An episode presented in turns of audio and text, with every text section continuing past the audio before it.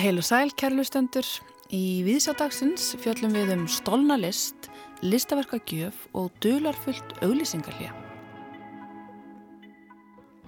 Já, í viðsjá ætlum við að slá að þráðin í listasafn Íslands til að forvittnast um vinnu við að taka á móti nýri glæsilegri listaverkagjöf inn í safnegnina en tilkynnt var um það á dögunum að verk sem áður voru í eigu hjónana Ingibergar Guðmundsdóttur og Þorvaldar Guðmundssonar muni fljóðlega bætast við safnið. Hlustendur heyra brotur gömlum viðtölum við Þorvald sem alltaf var kendur við fyrirtæki sitt síld og fisk og Harpa Þórstóttir sapstjóri Listasaps Íslands og Dagni Heidal varðveistlu og skráningarstjóri sapsins verða teknar tali.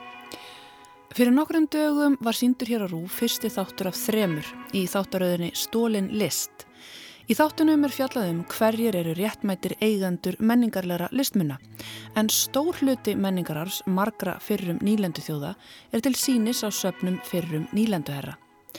Mörglandana hafa sóst eftir að endurheimta minjarnar en í flestum tilveikum krefst það áralangrar baráttu líkt og við þekkjum sjálfur okkar eigin sögu í tilfelli handreitana.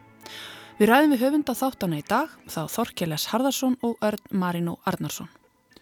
Um hátíðnar þurftum við óvænt að brjóta heilan um hvers vegna ekki væri verið að mata okkur á auglýsingum á rafrænum auglýsingaskiltum borgarnar en skiltin byrtu minnstur sem ekkert áttu skilt við neyslu vörur. Ólöf Gerður Sigfúrsdóttir fjallar um upplifun sína af hennu dulafulla auglýsingarliði fyrstu fimm daga þessa ás sem kom á daginn að var áhrifaríkur myndlistar gjörningur. En Við byrjum þáttinn líka á myndlist, við heyrum fyrst rödd úr sapni Ríkisútarsins, förum aftur til ásins 1975 og heyrum í gömlum sendisveini sem var, var stoltur af þeim uppruna. En ég var sendisvein og ég er sendisveinin og hef alltaf vunnið fyrir mér, alltaf vunnið fyrir mér, nema eitt sumar. Móðum mín var kaupakonna hérna á stórbíli hér við Reykjavík. Ég var aftur mjölkupostur og þetta var 1922 þá fór maður með mjölk á svona heldri heimili til um, í, í bænum. En um, kaupakonu kaupið þá var held ég ég þór ekki að fara með það hvort það var um 30 krónur þá. En eftir sumari þá þurfti móðið mín að borga 100 krónur með mér við sumari og það voru svona daldið þungskipti það er eina sumari sem ég man eftir því að ég hef unni fyrir mig ég var nýjára gammal síld og fiskur er nú eiginlega fyrsta fyrirtæki sem ég hef stopnað á. Við það svo það tókti starfa 1944. Þá var ég búinn að vinna hjá öðrum í mörg ár og, og búinn að vera erlendis ólítið svona því nám sem svo kallað er. Maður raks bara nýfið voni í þetta og svo þótti maður að kunna allt saman eins og mikið raun. En síld og fiskur er ekki eina fyrirtæki sem Þorvaldur rekur, allir þekkja Hotel Holt og svo á hann líka svínabú að minni Vastleysu. Hefur þú gaman af, af, af búskap? Mjög gaman af því. Mm. Hvernig? Því sá sem aldrei hefur gefið svíni að geta, hann voru aldrei auðla sæluna. Mm. Hvernig stóða því að þú fóst út í, út í, út í hana búskap? Það stóð einfallega af því að við vorum hér með, við erum hér ennþá með, með kjötvinnslu í sambandi við síld og fisk og það var hörgull á svínakjöti í þá daga, mjög erfitt að fá það.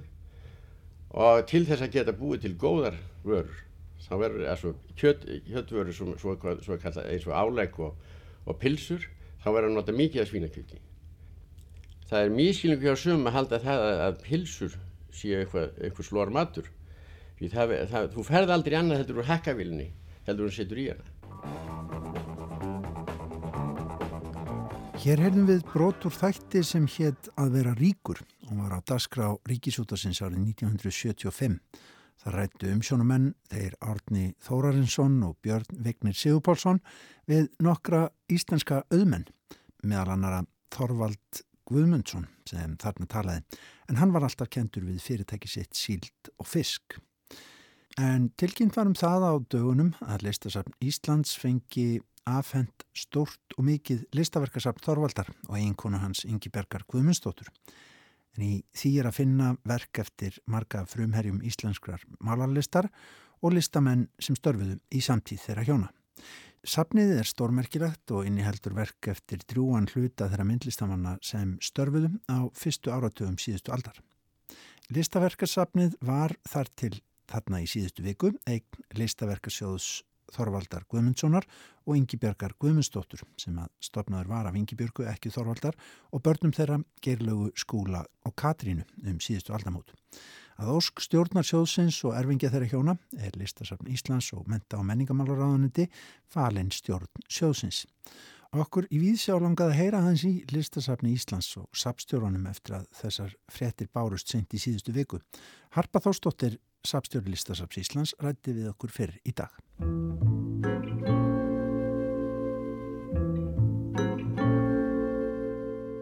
Sko Harpa, hvað gerist þegar að svona er tilkynnt um svona sapn? Í hvaða stellingar fer listasapn Íslands? Já, það er vonað að spyrjir af því að uh, þetta er náttúrulega algjörlega stórfrétt og svona stórgjafir eru vatnaskil. Við þurfum auðvitað uh, svona okkar rútin eru vinnubröður að taka við verkum, skráðu og, og, og koma enn fyrir og, og svona eftir þessum reglum sem við fylgjum. En þegar um svona gjöf er að ræða, þar sem við erum að horfa á sapn, ástriðusapnara og þeirra hjóna, Þorvaldur og Ingibergar, sem er sapnað á löngum tíma, uh, þessu fylgir auðvitað uh, þeirra tími í rauninni sem er liðin, uh, að þá höfum við aldrei annað verkefni í höndum og það er að átt okkur betur á þessu sapni sem heilt og grafast fyrir um tengsl við listamenn og átt okkur á svona hvort að þarna var verið að sapna eftir einhverjum ákveðnum formörkjum og þar fram til gödunum.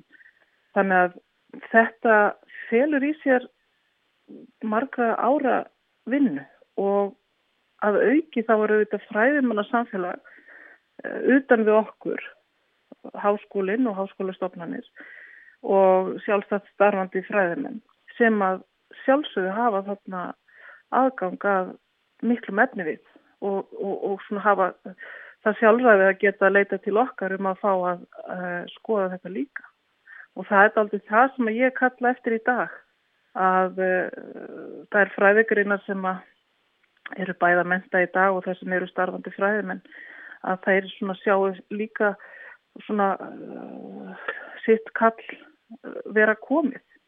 Það eru auðvitað listafn sem hefur frumkvæði í rannsóknum og, og stjórnar auðvitað uh, aðgengi mín sem hætti en við erum þjóðlistasafn og það að fá svona mikilvægt inn í safni, svona mikilvæga sögu frá síðustu öll, uh, það verður auðvitað bara fengur fyrir okkur öll.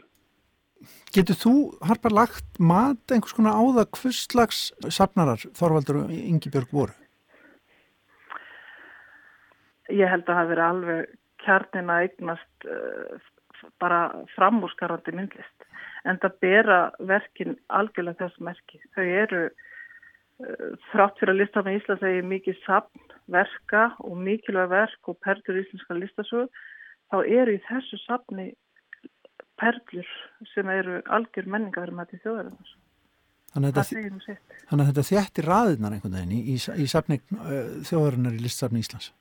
Já, það gerir það og það kannski knýr okkur kannski meira í þá átt að verða uh, alls landsbyðarinnar og ég vil að síðar meir ef að, ef að hlutir þróast í rétta átt að við getum uh, haft verk á fleiri stöðum en bara í Reykjavík.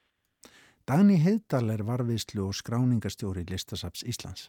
Við vitum alltaf að þetta er um 1400 verk og mikill meiri hluti þeirra málverk en það eru líka teikningar og einhverjar högmyndir, frívegamyndir og uh, þetta er náttúrulega í gemstri hjá gerðarsafni núna en svo líka uh, á Hotelholti og, og við vitum að, hérna, að fólk þekkir náttúrulega verkinn sem er á Hotelholti en, en það er ennþá fleiri verk sem er í gemslu í gerðarsafni sem við erum að taka þá við til okkar, til varðvislu.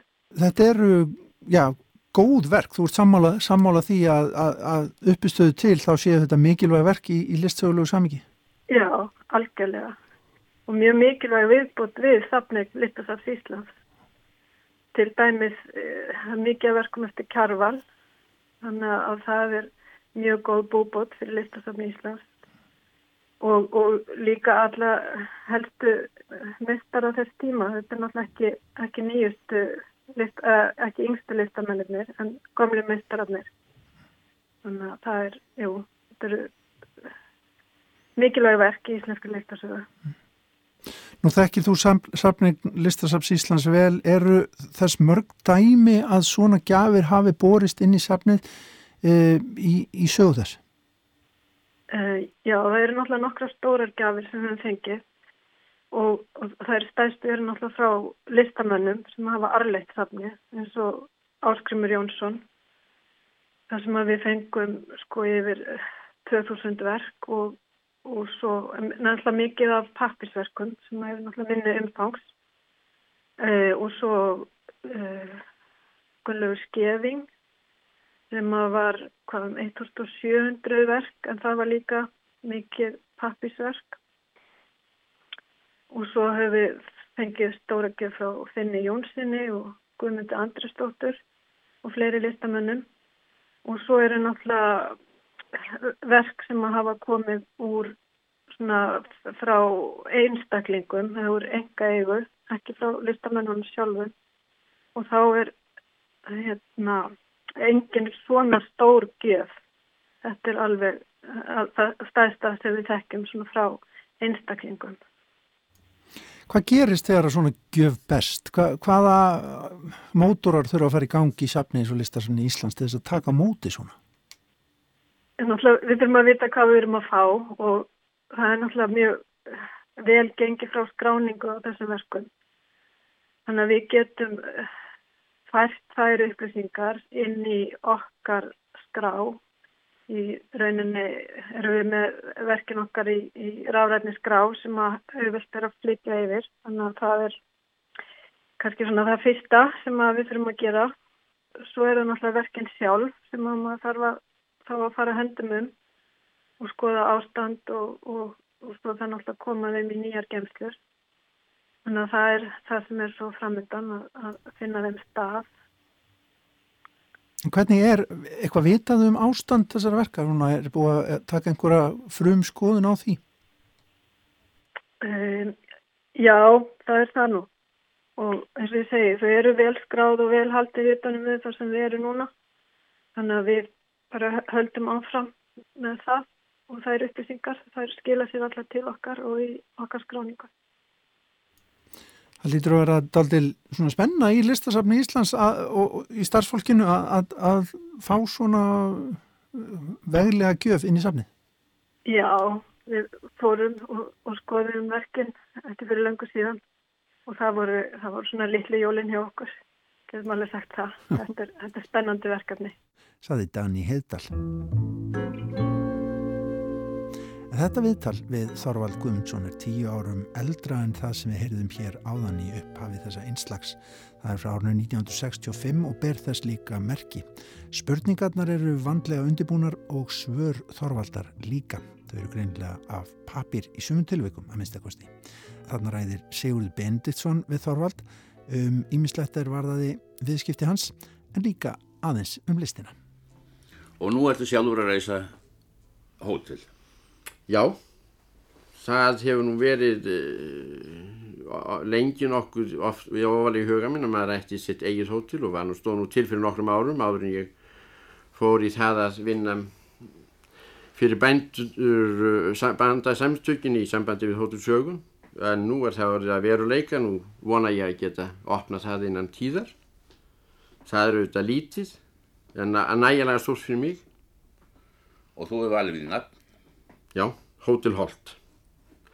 Þetta stendur í Þingholtunum, stutt þar frá stóð bærin Holt á skólaversti, við skólaversti og tískutu og mér finnst þetta, þetta fyrir vel í munni, allar þjóður geta sagt þetta nema fransmenn eiga erfitt að bera, fram, bera ekki fram há og rússar Rúsa gátt aldrei sagt Hitler, þess að það alltaf er Gitler og alltaf segja ekki Gold staðan fyrir Holt, svo þetta er þetta fyrir sig ekki úr slæmt.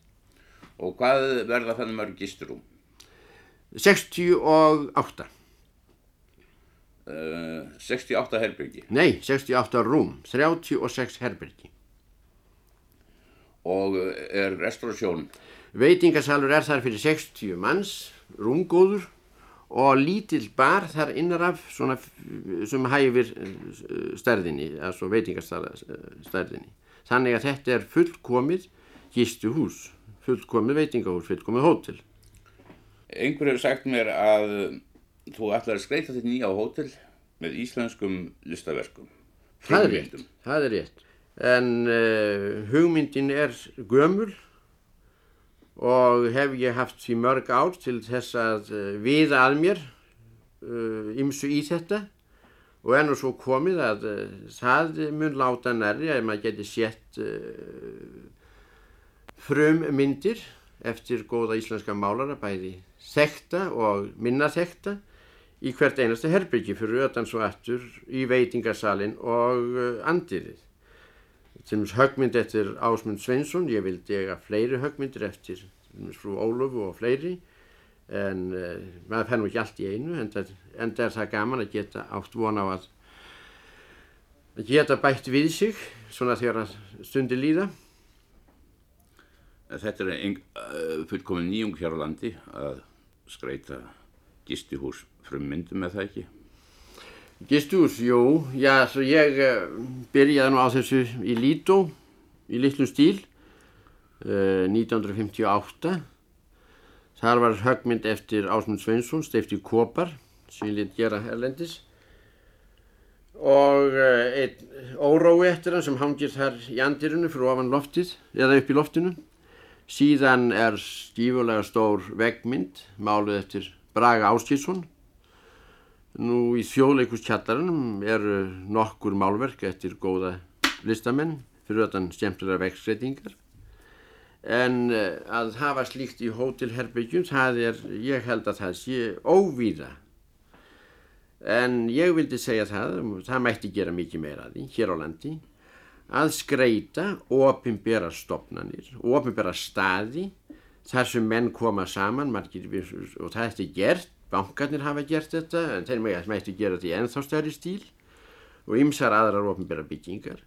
Sumir kaupa málverk, ég hef tekið eftir því, kaupa málverk og ég hef heyrt talað um það árum saman, pakka þeim vandlega og vel inn, raða þeim í statífinir í íbúðinu sínum eða kjallara og uh, býða svo eftir því að þetta verð, verði nú verðbreytingar og þetta hætti verði. Þetta er út af þessi ágætlega uh, spari fjársmyndun og örug en hún geti verið jafn örug fyrir þessar menn ef þeir vildu lána þessar myndir á þá staði í skóla og þar sem, að, sem flestir gætu fengið tækifæri til þess að njóta þessara mynda með þeim. Því að fögurlist, hún er ábyggilega bætandi. Þó maður kannski ekki vita ekki af því í augnablikjun en allt fagurt umhverfu og fögurlist, hún hlýtur að vera mann bætandi og ættu því flestir að fá tækifæri til þess að vera þess aðnjótandi, að fá að sjá og umgangast slíka fegur sem að listamenn okkar uh, hafa skapað og skapað.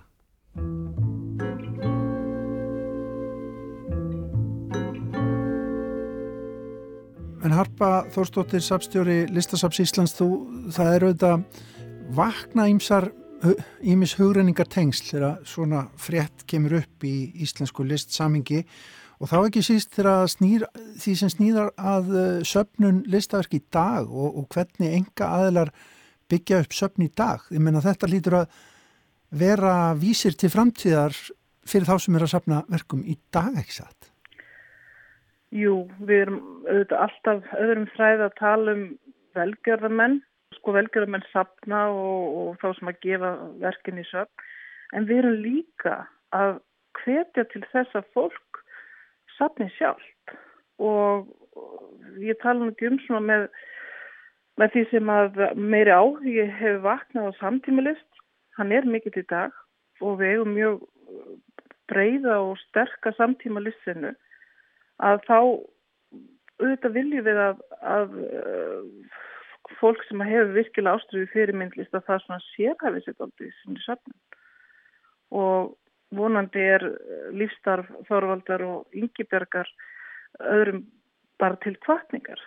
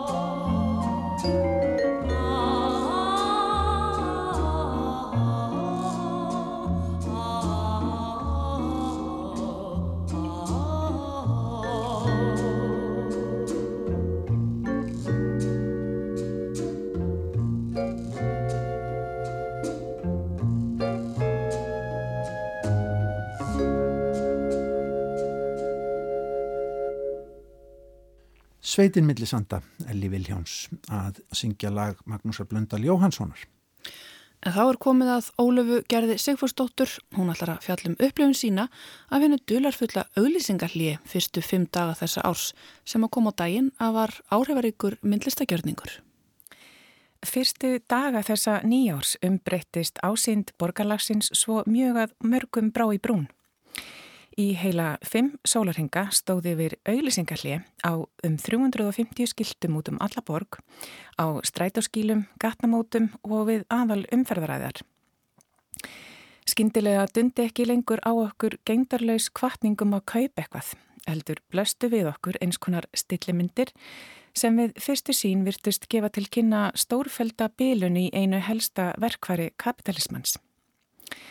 En þetta var engin bilun, heldur var hér á ferð umfangsmikil og óvinnuleg myndlistasýning sem setti sterkan svip á borgarímið með eftirminnilegum og ánægilegum hætti. Allavega fannst mér það, meðan eflust einhver hafi upplifað þetta sem lílegt grín. Þótt umbreyting auðlisengaskilta í myndlistaverk týðkist víða Erlendis og þá sérstaklega í stórborgum bandaríkjana, þá er ekki oft sem það gerist hér á landi. Skemst er að minnast þegar kvikmyndaframleðandin Sigurjón Sigvatsson tók yfir skildi borgarinnar í janúar á síðasta ári undir listamannanapninu Cozy Boy. Ég ætla ekki að fara nánar út í þann gjörning hér en það var hann framinn undir allt örum formörkjum en svo skilta yfirtaka sem hér verður fjallaðum. Í þetta sinn er um að ræða síningu sem er afrakstur ofinberar samkeppni um myndlistaverki í almanarími. Að samkeppninu stóðu fyrirtækið Billboard sem er einhver auglisingaskjá í borgarinnar í samstarfi við listasapt Reykjavíkur og Ufsulón Galleri. Um 50 tillögur bárust og launum fjekkinn útvaldi listamæður 1 miljón króna og einn mesta sínileika sem nokkur myndlistamæður getur óska sér að síningatíma loknum er verkið svo gefið í sapnegn listasapsins og allir vinna. Skildalistamæðurinn Dölufulli er í þetta sinn Rappkjell Sigursson og síning hans nefnist Upplaust. Snjall titill fyrir síningu sem ætlað er að lýsa upp skamdegið og gefa fólki tækifari á að njóta listar um alla borg eins og kemur fram í kynningarefni.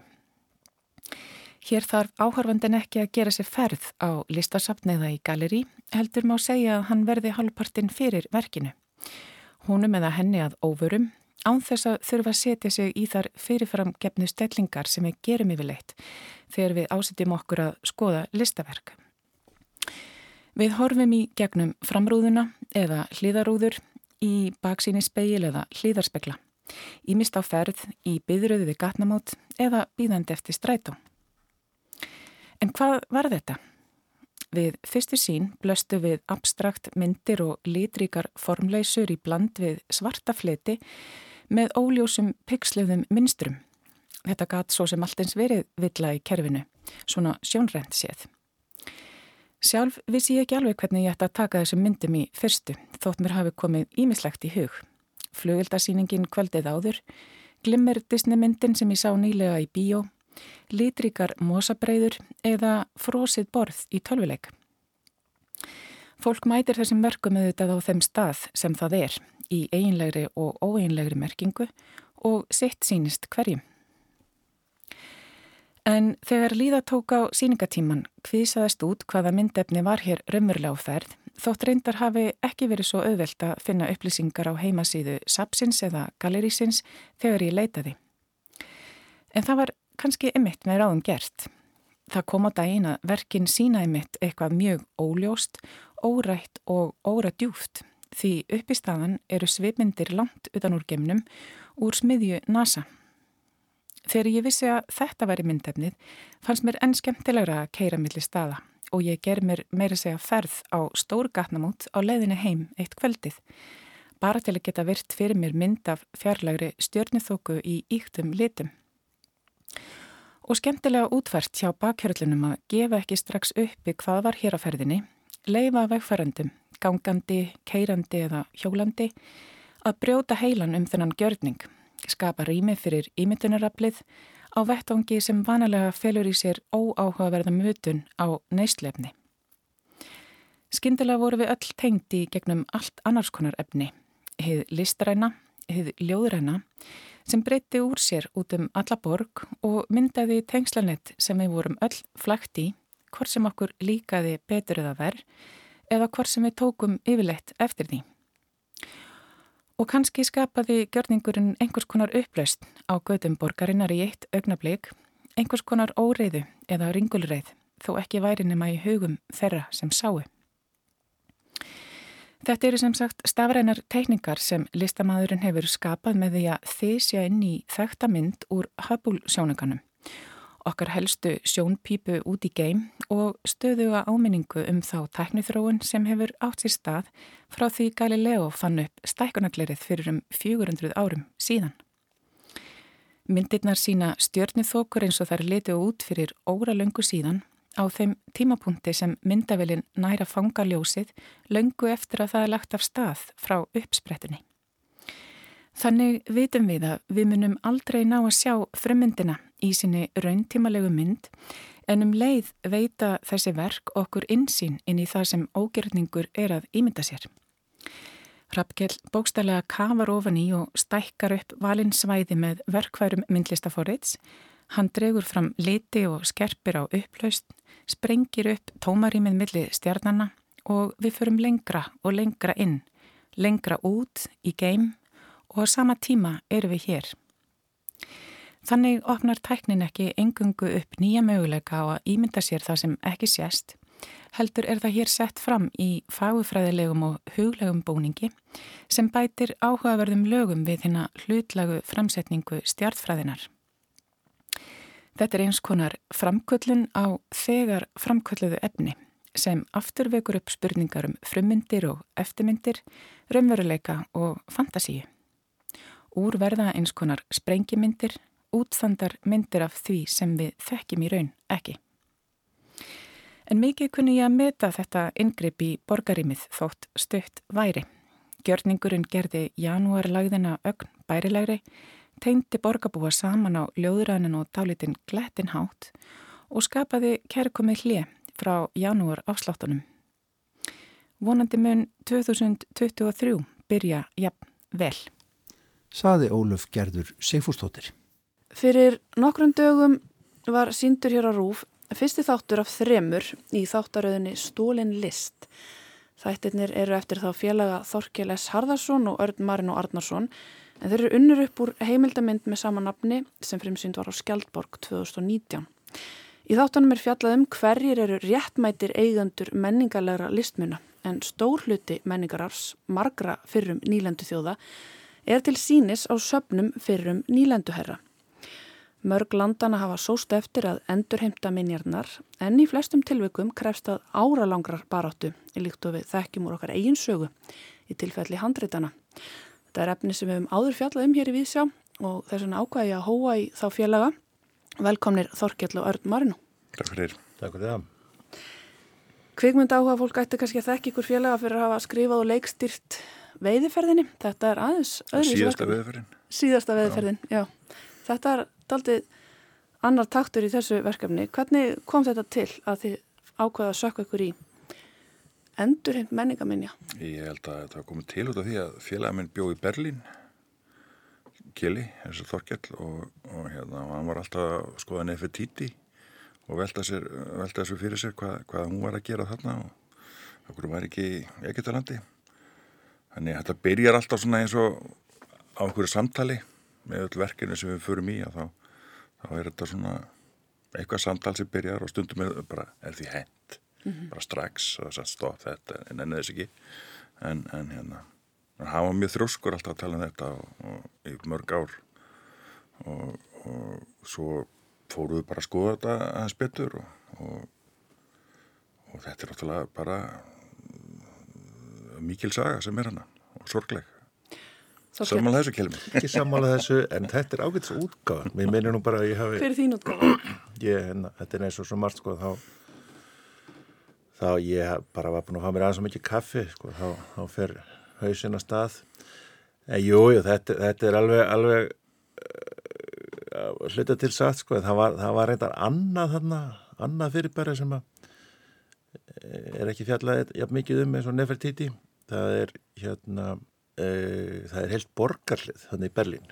Já, sem er frá Írak. Já. sem var, var tekið sundur og númerað. Og þau eru, þau eru enn tvö. En annað til sínis og það er hérna í, í, í stóru safni í miðbænum. Ótrúlega fallegt og, litla hliðis já, þetta er litla hliða mm -hmm. frá, frá stað sem heitir Ístar minnum mig. Mm -hmm. og það svona, var eitthvað samkominlega um að þjóðurinn fengi að taka þetta og setja þetta upp í safninu. En í leiðinu þá tóku þeir annarlið sem er miklu, miklu, miklu stærra og það er búið að vera í kössum í hundrað ár vegna þess að þeir hafi ekki hérna þeir hafi ekki aðstöðu til að sína þetta því þetta er svo stort mm. en þeir tóku það samt. Þannig að þetta er svona, það fannst mér alltaf svolítið svolítið svona hellað helluð afstæða að við ætlum að taka þetta, við ætlum að eiga þetta, en við ætlum ekki að, að, að sína þetta og þá svona kviknaði þetta aðeins. Og þetta er náttúrulega réttið, þetta tók svolítið tíma að já, komast já, af stað. Þetta er alltaf, sko, síðan náttúrulega var náttúrulega stríði í Sýrlandi í, í, í hérna, bara á fullu og þannig að maður sá að það voru verið að eðalegja fortminjar þar alveg vinstri hægri, ísisliðar og, og bara allir og fólk að og bara stela bæði til þess að lifa af stríðið og þess að það leita leitanda forminjum og hérna. Þannig að þetta fór svona alltaf svona, við gáttum svona lagt svona spilin á borðið og, og móta, móta einhverja sögur þessu sko. Já, það voru, svona, svona, það voru margi þræðir sem að svona, þetta voru svona, svona lækir sem að renna niður fjallíðar og svo að endanum þá verður þetta að, að einhverju fljóti og við, við, mm -hmm. við svona, já, já við teng, ger, náðum að tengja ansi margt sko í, í e, sem sagt bæði það sem hefur gerst og sem sagt svona klá, reyn og klár fortið og svo það sem að svona hefur verið að reyna að leysa eins og, eins og hérna grísku högmyndirnar sem að eru að hluta til á, á British Museum og hluta til í, í Greiklandi mm -hmm. og svo það sem var að gerast og er að gerast, það er þetta smikl og, og hérna, svartamaskarsparask og, og eðilegging og svo hverju fremtiðin. Þannig að mm -hmm. þegar við vorum búin að ná þessu saman í, í að við erum ekki bara fjallum liðna tíð heldur, heldur vera í með svona lifandi efni og, og einhverja spekulasjónar um hvernig getur við lest þetta, þá, þá vorum við alltaf konum með svona hugmynd sem að hægt er að taka alla leið. Mm -hmm.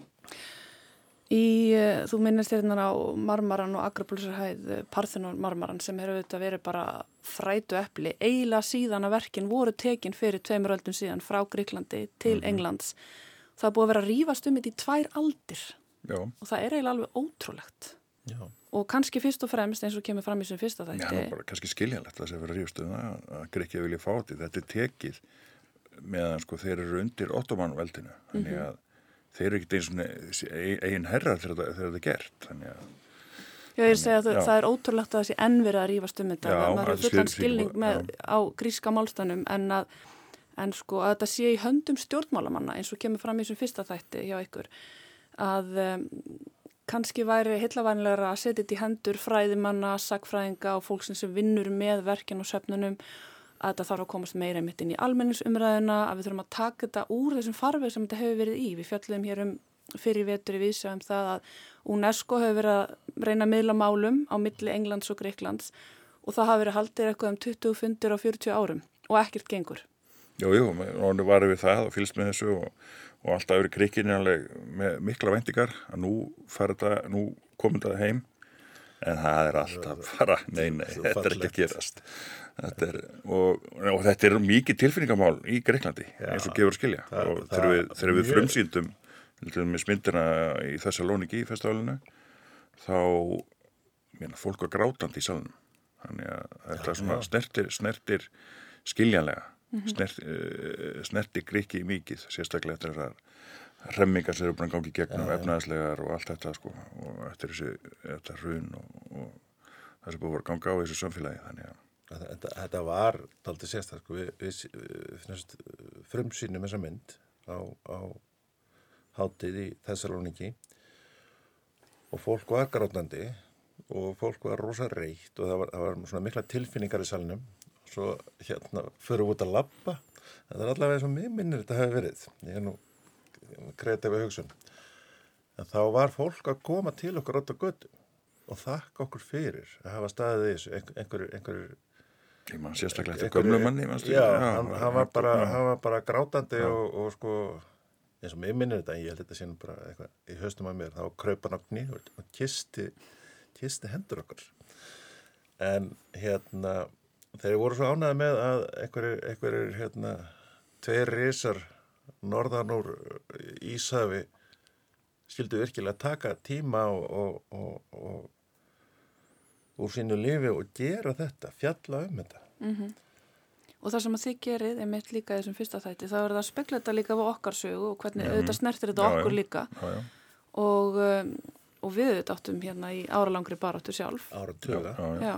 Það er ákveðin löst, löst bara á, á, á því máli bara sem, er, sem, sem er bara þokkalega farsæl og auðvitað myndum vilja kannski hafa þetta allt saman hér en, en, en, en hérna en þetta er allavega það er samvinna að milli stofnana og, og, og já, það er unni, unni saman að rannsóknum og, og varvislu og þess að það sko. Þannig að það er eitthvað jákvæmt Svolítið áhugavert að skoða þetta handreitumál að hérna, grundvöldurinn að því að vilja hafa eins og til dæmis handreitin eða hafa hérna uh, högmyndir eða, eða hvaða er hjá sér hvort sem að þú ert þetta, þetta kemur frá þínu landi eða hvort þú ert sá sem að hefur þetta það er að, að, að þeir þykja einhver akkur í þessu.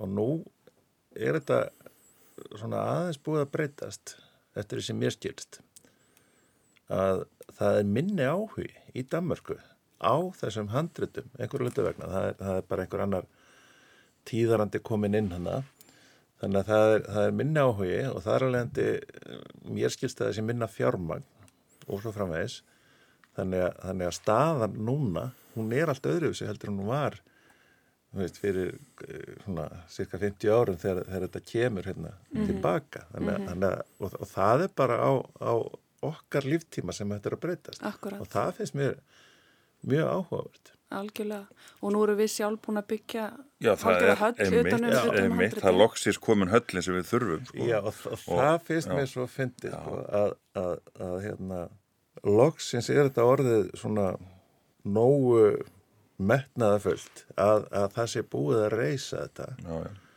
ég veit ekki alveg hvað allir verið ánað með það sem að, ég ætla að segja núna. Mér finnst það skrítið að handrétti skuli vera geimt í kjallarannum basically undir grunnvarstöðu og það hefur verið minnst á þetta áður og, og það var ekki hrifning í garð garði komandi sem að koma með þetta. En ég, mér finnst þetta skrítið sko að því, að því það er bara ef eitthvað klikkar ef eitthvað getur klikkað, nú þá klikkar það. Það er ekki spurningum hvort til hvernig Já, það hafa verið skipta skoðanur um þetta og deilur. Já, já, já, en eins og þú segir líka þá er minna fjár, fjármagn veitt í rannsóknir á handrutunum úti en það er einmitt ofta sem hefur verið svona eins og kemur einmitt fram í þáttunum eitthvað rög nýlendu, fyrir um nýlendu herra hafa verið þau að að það sé erfitt að gefa frá sér þessi verðmæti vegna þess að fyrir nýlendu þjóður hafi hennilega ekki bólmagt til að halda utanum verðmætin. En nú er þetta eiginlega snúist við. Já. Já, sumuleiti. Sko. Þetta er náttúrulega bara eins og, eins og, eins og með Egita þá, þá, ég mæl ekki hvað eru margir hluti, miljón hlutir í söpnum út um allan heim, hefur ekki meira. meira. Og, og hérna, og þeir náttúrulega, ef þú ætlar að fara að skila öllu þessu, þeir náttúrulega, Egitar get ekki tekið á móti þessu, er ekki tilbúinir. En, en það eru svona hvað sem maður, svona eitthvað höfu djásni sem eru hérna sem mætti e, fyllilega sko allan að mætti senda Nefertiti neðrittir og þeir getur kannski hérna skipst á þessu eða, eða hún ætti bara vera þarna Það er auðvitað mjög stert eins og hún lýsir viðmælit ykkar í þessum fyrsta þætti sem er, já, já. sem er frá sama svæði og Nefertiti. Mm -hmm. og þetta sapp sem er komið þar já, en það stendur bara tómt glerbúr. Já, í stað þess að hafa höfutjásnið á staðnum. Já, já, og svo, og svo sko, sko svona í, í grunni séð þá uh, ég held að ég getum talað fyrir okkur báða sko, við erum svona fylgjandi því að ef þú hefur aðstöð til að taka móti þá ættir að ættir að fá þinn menningar að vera tilbaka uh, ef þú hefur ekki aðstöð til að gera það þá er spurningum sko hvenar þú ættir að fá það Já, þetta verður eitthvað samvinna og, og, og einhver sín bara á að, að, að koma þessu á, á heimaslóðir. Að þetta er náttúrulega einhver, einhver grunnur bara fyrir fólki sem býr hérna Já. og þessi heimsluti hérna, sérstaklega með Östurlundinu það er bara ofta stýr, að miklu leiti í, í, í einhverju ruggli. Þannig að ég held að við getum afruglað að þetta svæði kannski bara með því að leifa, leifa fólkinu að hafa sín verðmætti á sínu stað. Þessar ríku vestrannu stopnarnir ættu kannski bara að hjálpa til við að byggja upp þessa innviði sem að vanta. Já, það, mér fannst það reynda svolítið svona tragikomist sko þegar hann hérna fórstuðu með þeirinn á, á Þískasafnunum sem er hérna fyrstu þetta. Mm -hmm. Þann, þeir, þeir segjast vera alveg sko bóðnir og búnir vesturlandabúar að hjálpa fólkinu og hjálpa þeim að byggja upp og svo framvegis. Til dæmis með því að gefa þeim glerskápa. Akkurat, og viðar kassa Já, já alls konar, alls konar, já, alls konar hluti og, og undirstöðu fyrir steytunar og svona. En ekki, en ekki, en en ekki nei, það geta fikið hérna replikur bara. En það var, það var og, svo, og svo er svona svo er umræðan, hún er, hún er först í skotgröðum og þrættubokafræði og eins og sko, semst annar þáttur fjallar mjög mikið um, um þessar hérna, uh, grísku högmyndir sem að eru hérna í, í tveimur löndum mm -hmm. og kunningi mín er breskur og hann, hann fór eitthvað að tjóðsum um, um um daginn og, og fannst þetta fáranlegt að vera að senda þetta til Grekjana og þeir hefðu nú ekki sko infrastruktúr og þetta og hitt Ég bentur nú á að, að sko, nýja safnið í, í, í, við rættir Akropolis. Það er ljósarum á undan British Museum til dæmis. Stórkoslegt satt. Þetta er algjörlega stórkoslegt og það sem það er að gera og tæknin og allt, þetta, þetta er bara, þetta er alveg toppklassi. En margi brettar eru fastir í því að British Museum sé bara nummer eitt og verði nummer eitt saman hvað sem ekki það dræðist eftir úr. Mm -hmm. Þannig að þetta er nú svona... Já, er, eftir, er... eftir að hafa verið í safninni að þinu og koma svo í British Museum og það, maður verður bara eitthvað þunglitur að koma inn í svona dimman sál Torkofa mm -hmm. og það er ekki sál eða neitt með Nei. þessu sko og... Það er óbúslega skrítið að koma inn í þessu stóru höfusöfn Európa eins og British Museum og sjá þessi verk mm -hmm. tekið nú samengi, mm -hmm. líst upp í glerkossum og þau eru óbúslega innmanna Já, já, já, já og grískasafniði farið þá leið að setja mitt sko afsteipur á móti já, fylla upp í. Já, það, það sem er annar staðar meiri partirinn í Breitlandi og svo er þetta nú hér og þar þá er það með afsteipur og stilla því upp að því að þetta er svona, þetta er svona lágmynd eða högmynd og það eru sko það eru alveg bara hvítar gifs, gifs afstöpur þannig að það skera sér svo mikið, mikið úr. Mm -hmm. það er í samengið uppröðanlegt samengi ekki að rýfa þetta úr og stilla því upp sem þú hefur. Mm -hmm.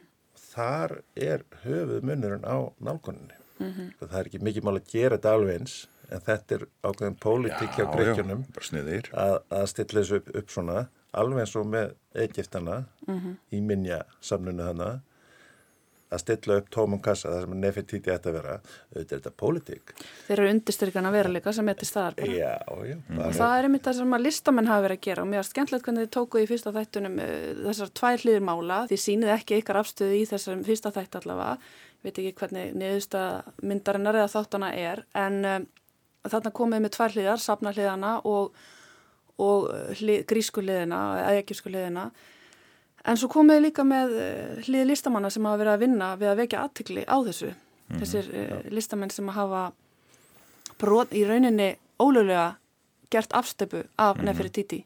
Það var mjög skemmtilegu vingil líka og einmitt eitthvað sem að fleiri listamenn hafa verið að gera til að vekja mm -hmm. aðtikli á þessu málum síðast liðin ár. Var þetta eitthvað verk sem að vakti sérstaklega aðtikli ykkar eða hvað var ja, þess að... Skemmtileg saga og svo var þetta mhm. svona margt skrítið í krigum þetta yeah. hvernig þau komast yfir þessu upplýsingar. Með, ég veit ekki, með að þeirra skanna og getur gert þetta svona þau voru að lýsa þessu sko, hvað hva, hérna, hvernig náðu, náðu öllum þessum upplýsingum og, og bygguðu til þessar, þessar og, og hvernig þau tala um þetta. Að kannski fyrir þá sem hafa ekki séð þetta þá, þá var, var þetta ekki hvað eitthvað svona Xbox, reyfi skinnjari sem þau, sem þau höfðu brotist inni og breytt og stunguð þessu svo inn á sig og löpuðu kringum eh, Nefertiti brjóstmyndina og náðu skanni sem að heimsmeisterinn í skanni hefði verið, hann hefði verið með tárinu augunum út á hvað þetta verið gott skann mm -hmm. og svo, svo þrýviti prentaði þetta og, og gefa þetta út á netinu og, og, hérna, og þú getur prentað þína eigin Nefertiti sem er sko nákvæmur en fyrirmyndin mm -hmm. og sem gjörningur, bara alltaf stórkostlegt og hvað það gera við þetta mm -hmm. og vekja aðtegli á, á hérna svona þessu eðli sapna að halda sínu fyrir sig og vera ekki mikið að deila. Það er náttúrulega svona stóra í þessu hvað mig var það ég personulega held ég að þau séu að ljúa þessu frá A til U og þau hefa, þau hefa komist og takkast inn í eitthvað skann í geimslunni í sapninu ég, ég hef ein, ekki nokkra trú að þetta sé satt. en sannleikurinn er nú bara já. það sem hljómar best á hverju stund hvort sem hann er réttur eða ekki. Og það passar vel inn í þessu umræðu sannleikurinn hljóma best á hverju stundu Já, já, já. algjörlega, mm -hmm. algjörlega eh, Þessi fyrsti þáttur hann uh, fjallar sérstaklega um eins og við hefum hér rætt Nefertiti og, og þessi mál sem tengjast uh, bress, þessu safni í Berlín mm -hmm. hverju með við að vona á í öðrum og þriða þætti?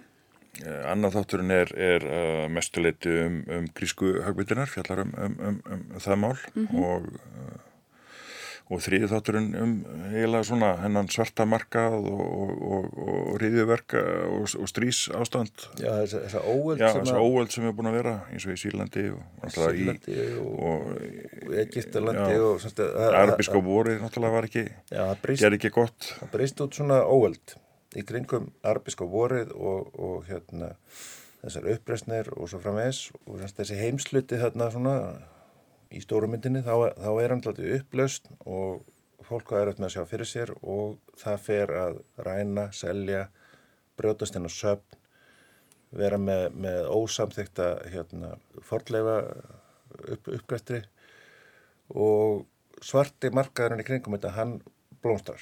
Ísis fjármagnar sem með þessu þannig að þreyðið þetta er óöld Svo er mafja og þú veist, það er bara mafja, gleipasundök, það er allir að kafi í þessu Þetta er bara góðu gjaldmið Já, einmitt. En það sem var svona kannski eftir þetta verðt í þættinum sem er núna á mögdæðin er að við döluðum við uh, grekkina og grekkina voru boðnir og búnir en það sáu þeir að það var alveg svona hvað þeir sögðu. Þetta þjónaði þeirra málstað. Og við fengum alveg ótrúlega fínan og mikinn og góðan aðgang að bæði Akkarpóls hæðinni og safninu og fengum bara verið eins lengi og við vildum. bara en hvað viljið þið koma með? British Museum gaf okkur 40 myndur já þetta var sko var eftir, eftir að hafa fengið nei endalust þá fengum við eftir dúkudisk 40 myndur það var eitthvað sluðið og svo þurftum við að stelast inn í safni með myndavill og, og, og stjóta því við hefðum ekki leifi nema í x marga myndur. Mm, það upplýsist hér með að þið brötu lög. Já, já, alveg. Já, já það voru allir myndandi þann inni með eitthvað litla myndavilar en það var, það voru, það var margir gleifamenn hann inni á sama, sama tíma. Já, já. Um, takk bara fyrir að koma og svona dýfka þess á þessum þáttum og hérna við bara veikjum aðtegli hlustenda á því að Þessi fyrsti þáttur er aðgengilegu núna í spilarrúf og við höfum vona á næstu tveimur á næstunni. Á meðugtum. Já, meðugtum. Línulegri dagskrá. Takk einlega fyrir komin að Þorkjell Harðarsson og Örd Marin og Arnarsson og takk fyrir þessa þætti, Stólin List. Takk svo leiðis. Takk fyrir það. Og á umfjöllunum Stólna List líkur við sjá í dag ágættu hlustendur. Takk fyrir samfélgina. Já, takk fyrir að hlusta og verið sæl.